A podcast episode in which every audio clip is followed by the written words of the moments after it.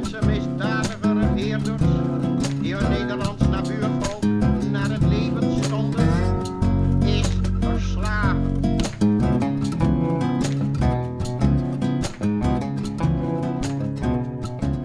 In de jaren 60 was Gusto een van de meest innovatieve sch- scheepswerven. In de jaren 70 moest het bedrijf jammer genoeg sluiten. Het bedrijf wat zo verbonden was aan de stad Schiedam. In de vorige aflevering van deze podcast heb ik de geschiedenis van dit bedrijf behandeld samen met Ineke Scholte. En deze aflevering ga ik samen met Ineke Scholte de eh, sluiting van het bedrijf behandelen. Volgende aflevering gaat over de persoonlijke verhalen van de werknemers van Gusto. Welkom bij Schiestory, de podcast van het gemeentearchief Schiedam. Waar waren we gebleven? Nou, vorige aflevering waren we geëindigd bij de fusie, fusie van Gusto met IAC Holland. En Gusto ging door met het innoveren. Toch blijkt het niet genoeg. Hoe ging het, die samenwerking met IHC? Maar die verliep niet heel soepel. De raad van het bestuur komt naar aanleiding van de oliecrisis met plannen om zich te concentreren op de bagger en niet op de risicovolle offshore. Juist de tak waar Gusto zich in had gespecialiseerd. De oliecrisis van 1973 had namelijk een overcapaciteit bij de werven en personeel veroorzaakt. De IAC zat in zwaar weer en moest met een plan komen om te overleven. De IAC had net verliezen geleden op de bouw van de Viking Piper, een enorm boorschip. Ook een avontuur in Amerika, waar drie booreilanden door de IAC gebouwd worden, leidt tot grote verliezen. Dit leidt dus tot een concentratie op de bagger bij de IAC. En Gusto heeft hier kritiek op. Het is beter volgens de werf om op meerdere vlakken te specialiseren. En ondertussen was er bij Gusto ook alles achterstallig onderhoud op de werf. Er kwam een werfplan om de werf op te knappen voor 100 miljoen gulden. Maar dit ketste af. En ondanks de crisis zijn juist bij Gusto de bedrijfsresultaten uiteindelijk verbeterd na eerst een dip. Na de komst van de nieuwe directeur van Gunsteren. Er wordt door hem een plan opgesteld om de werf van de nodige investeringen van 20 miljoen gulden, precieze bedrag van de winst, te voorzien. Van Gunsteren zag daar een verlaging van de kostprijs bereikbaar en dat daarna naar de benodigde investering van 100 miljoen gulden bereid kon worden. Eind zomer 1976 keurt de raad van het bestuur dit plan af en wordt Van Gunsteren gevraagd te vertrekken. Theo Klein volgde hem op. En de overheid? Ja, die kwam wel in actie. In de regeringsnota van 1975 staat dat de Nederlandse scheepsbouw moest reorganiseren. Er werd een beleidscommissie scheepsbouw ingesteld en zij moesten ervoor zorgen dat deze reorganisatie gepaard ging met zo min mogelijk verlies van banen. In 1977 wordt het beleidsplan gepresenteerd door deze commissie. Daarin wordt voorgesteld om de scheepswerf voor 70% te reduceren. Dus de overheid wil uh, van heel veel scheepswerven af. En dit gold vooral voor werven actief in de bouw van de hele grote schepen of de offshore. Hier wordt Gusto ook toegerekend, die liever als baggerwerktuigbouwer gezien werd. Dit werd niet gehonoreerd. De IAC hielp Gusto hier niet mee. Van Gunsteren, de oud-directeur, wilde ook niet meer betrokken zijn bij de reorganisatieplannen van de scheepsbouw. Volgens hem zelf wilde hij onder andere niet de werknemers verraden door mee te werken aan de fusie, wat sluiting zou betekenen.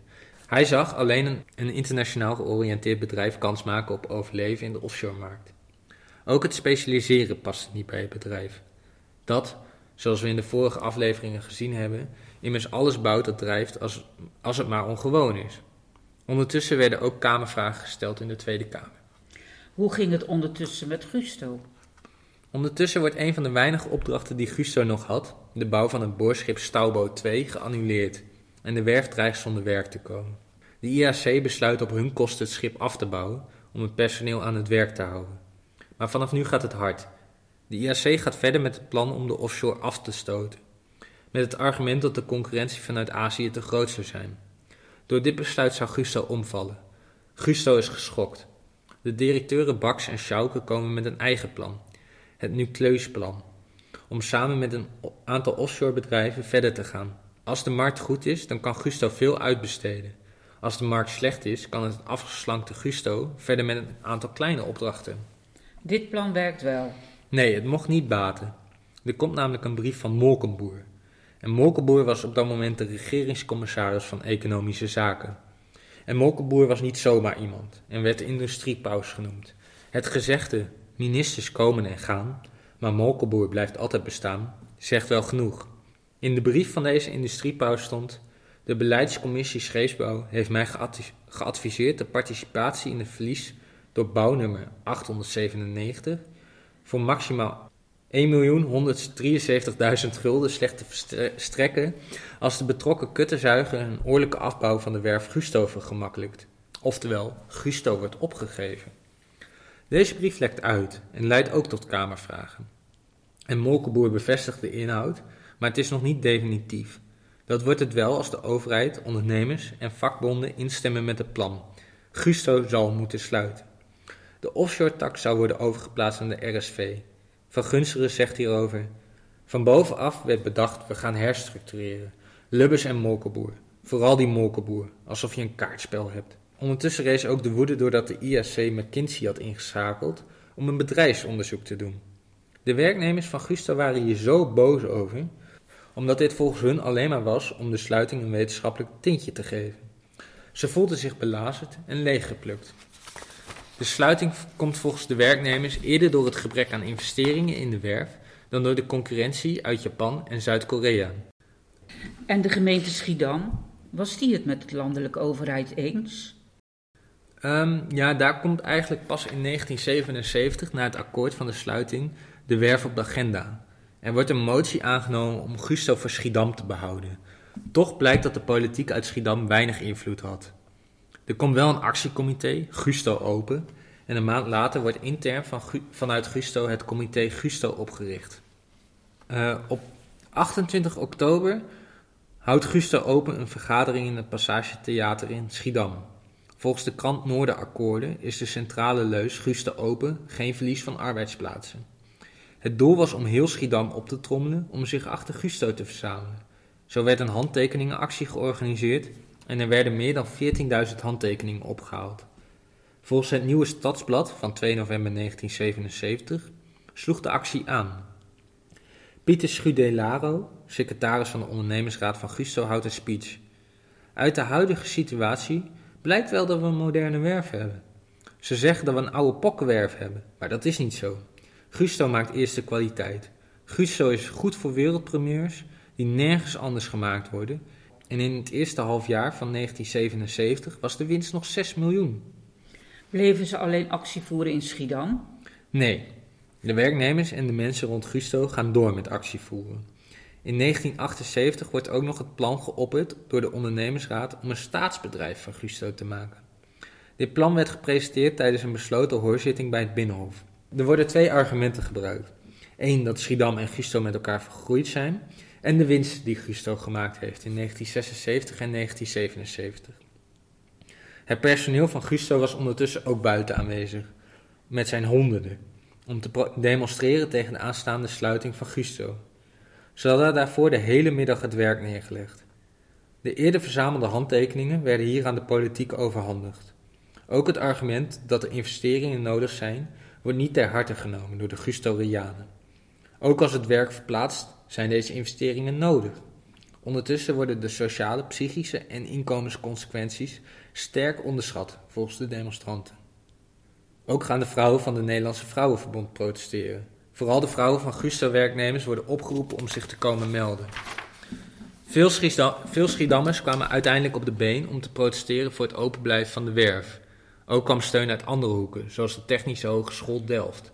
Het college acht het noodzakelijk dat de opgedane kennis in het nabijzijn van de ho- hogeschool van groot belang is. En hielpen de acties? Nee. Het werd al vrij snel duidelijk dat Gusto waarschijnlijk moest gaan sluiten. Oud-minister Economische Zaken Lubbers, die minister was ten tijde van het plan scheepsbouw, zegt erover dat het een beetje onverteerbaar is dat Gusto dreigt te sluiten.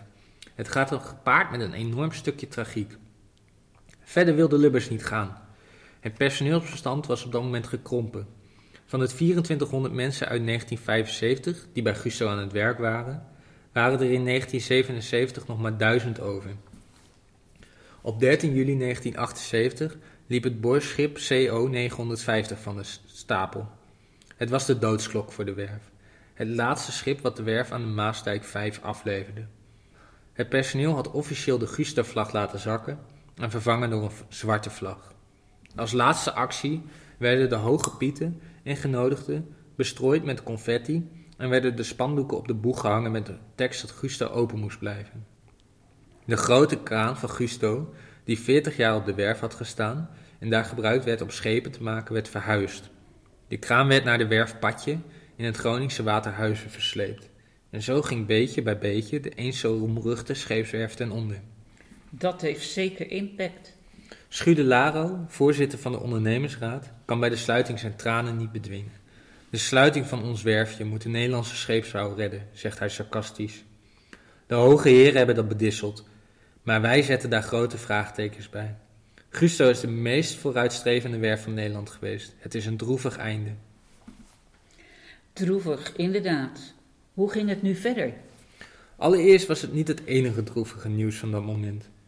In de laatste maanden vond ook nog een tragisch ongeluk plaats. Cornelis de Kok uit Ridderkerk kreeg op 22-jarige leeftijd als chauffeur een ijzeren plaat op zich nadat deze, deze los was geschoten uit de hijskraan. Hij zou het niet overleven. Op vrijdag 1 december 1978 was het doek helemaal gevallen en vond het publieke verkopen van de werf plaats. Ondertussen meldt het communistische blad De Waarheid dat het 250 van de oud-werknemers van Gusto nog niet gelukt was om aan een nieuwe baan te komen. Dit terwijl er op dat moment bezichtigingen waren bij de gesloten werf. De Waarheid schrijft daarover: Kijkdag bij Gusto, terwijl de hyena's hun kans waarnemen, staan 250 oud Gusto-mensen nog aan de kant. Veel werknemers zouden naar de RSV gaan, maar ook dat bedrijf was geen lang leven beschoren.